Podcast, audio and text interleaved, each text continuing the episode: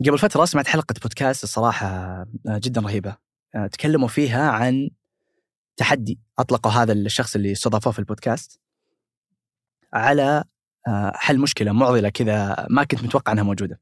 المشكلة بكل بساطة إنه فيه مخطوطات عمرها أكثر من 2000 سنة. أوكي موجودة في منطقة ثار عليها بركان وأيضا مدفونة المنطقة هذه. فوقت ما كانوا يعني يستكشفون المناطق هذه حصلوا قصر. عرف طبعا من من هو صاحب القصر وهو يعني كان حاكم المنطقة في في هذاك الوقت. وحصلوا جزء من مكتبته وفيها مخطوطات مثل ما ذكرت عمرها أكثر من 2000 سنة. العجيب يا أيمن إن لو استخرجوا كل المحتوى في هذه المخطوطات راح يكون عندنا ضعف المحتوى اللي اليوم عندنا موجود من هذاك الوقت. واو. فتخيل كمية كم ما أدري كمية المعلومات اللي بنكتشفها عن ذاك الوقت. Okay. آه لكن التحدي فيها إن المخطوطات مجرد ما يلمسونها تتحول رماد. Okay. فالمحتوى ما يقدرون ياخذونه. طيب. التحدي اللي سواه هذه إنه يعني حطوا الظاهر 700 ألف دولار مين يقدر يحل لنا هذه المشكلة؟ طبعا الحل بيكون بالذكاء الاصطناعي إنه كيف تستخرج المحتوى ونتعرف عليه بدون ما بدون ما نخربه.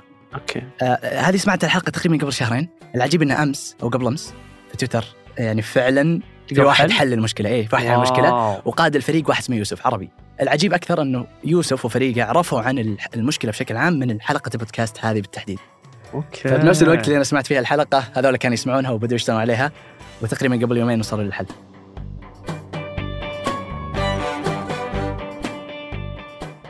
هذا بودكاست الفجر من ثمانية. بودكاست فجر كل يوم نسرد لكم في سياق الأخبار اللي تهمكم.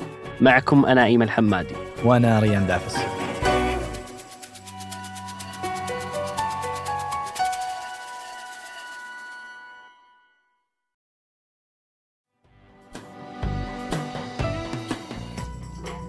أعلنت أمس الأربعاء شبكة بلو سكاي عن إتاحة تسجيل الحسابات الجديدة لكافة المستخدمين بعد ما كانت تقبل التسجيل عن طريق الدعوات فقط.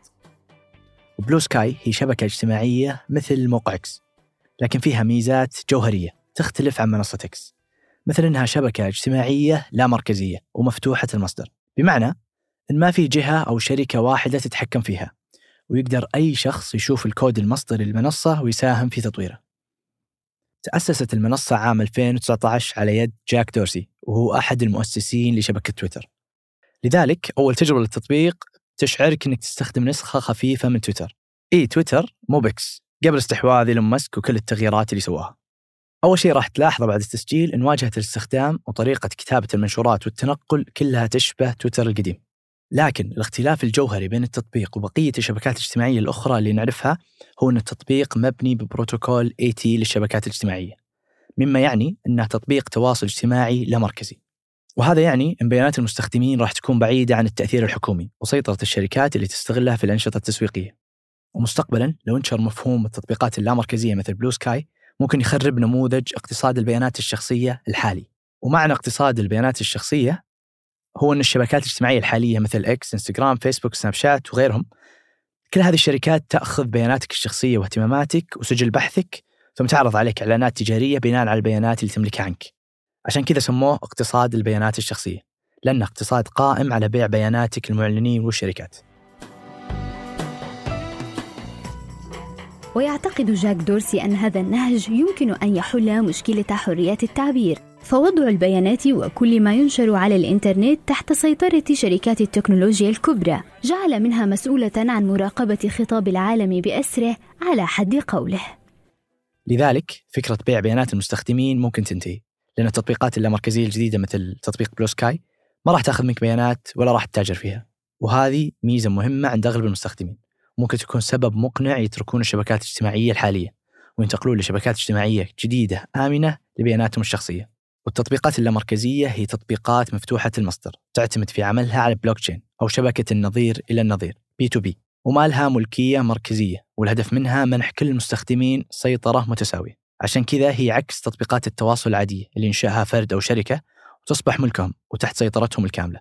يمكن هذه ما هي أول مرة نشوف شبكة جديدة تنافس إكس شفنا من قبل شبكات مثل تروث سوشيال اللي اطلقها الرئيس الأمريكي السابق دونالد ترامب أو حتى تجربة سبستاك اللي ركزوا على بناء شبكة اجتماعية للكتاب. أو محاولات فيسبوك الكثيرة اللي كان اخرها تطبيق ثريدز رغم إن عدد المستخدمين النشطين وصل إلى 130 مليون مستخدم إلا أن التطبيق في الفترة الأخيرة خسر بعض مستخدمينه وتراجع. وفي تطبيقات صاعدة أخرى مثل تطبيق سبيل وسبوتيبل لكن كل هالتجارب هي محاولات لنسخ تجربة الشبكات الاجتماعية الحالية بهدف الربح أو التأثير في رأي الناس أو جمع بيانات المستخدمين. لكن تبقى تجارب تطبيق بلو سكاي وتطبيق ماستدون اللي تم إطلاقه في عام 2016 هي أكثر التجارب اللي ممكن تهدد إكس وبقية الشبكات الاجتماعية لأنها راح ترفع وعي المستخدمين حول أهمية بياناتهم الشخصية. وتمتلك منصة ماستدن حاليا 1.8 مليون مستخدم في مقابل 3 ملايين مستخدم في منصة بلو سكاي لذلك نتوقع نشوف هجرة جديدة للمستخدمين نحو شبكات اجتماعية ما تتاجر في بياناتهم الشخصية.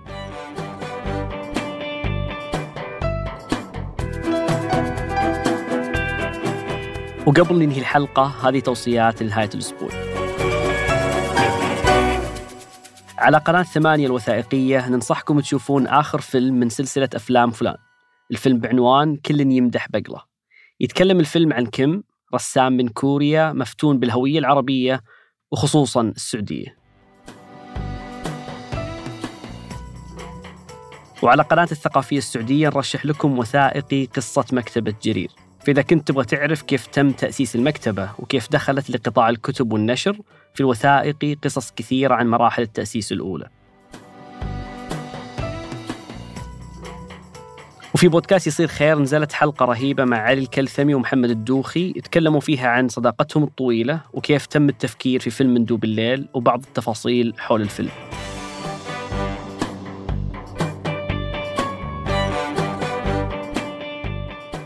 أنتج هذه الحلقة سفر عياد وقدمتها أنا ريان دعفس وأنا أيمن الحمادي. وحررها محمود أبو ندى. نشوفكم فجر الأحد.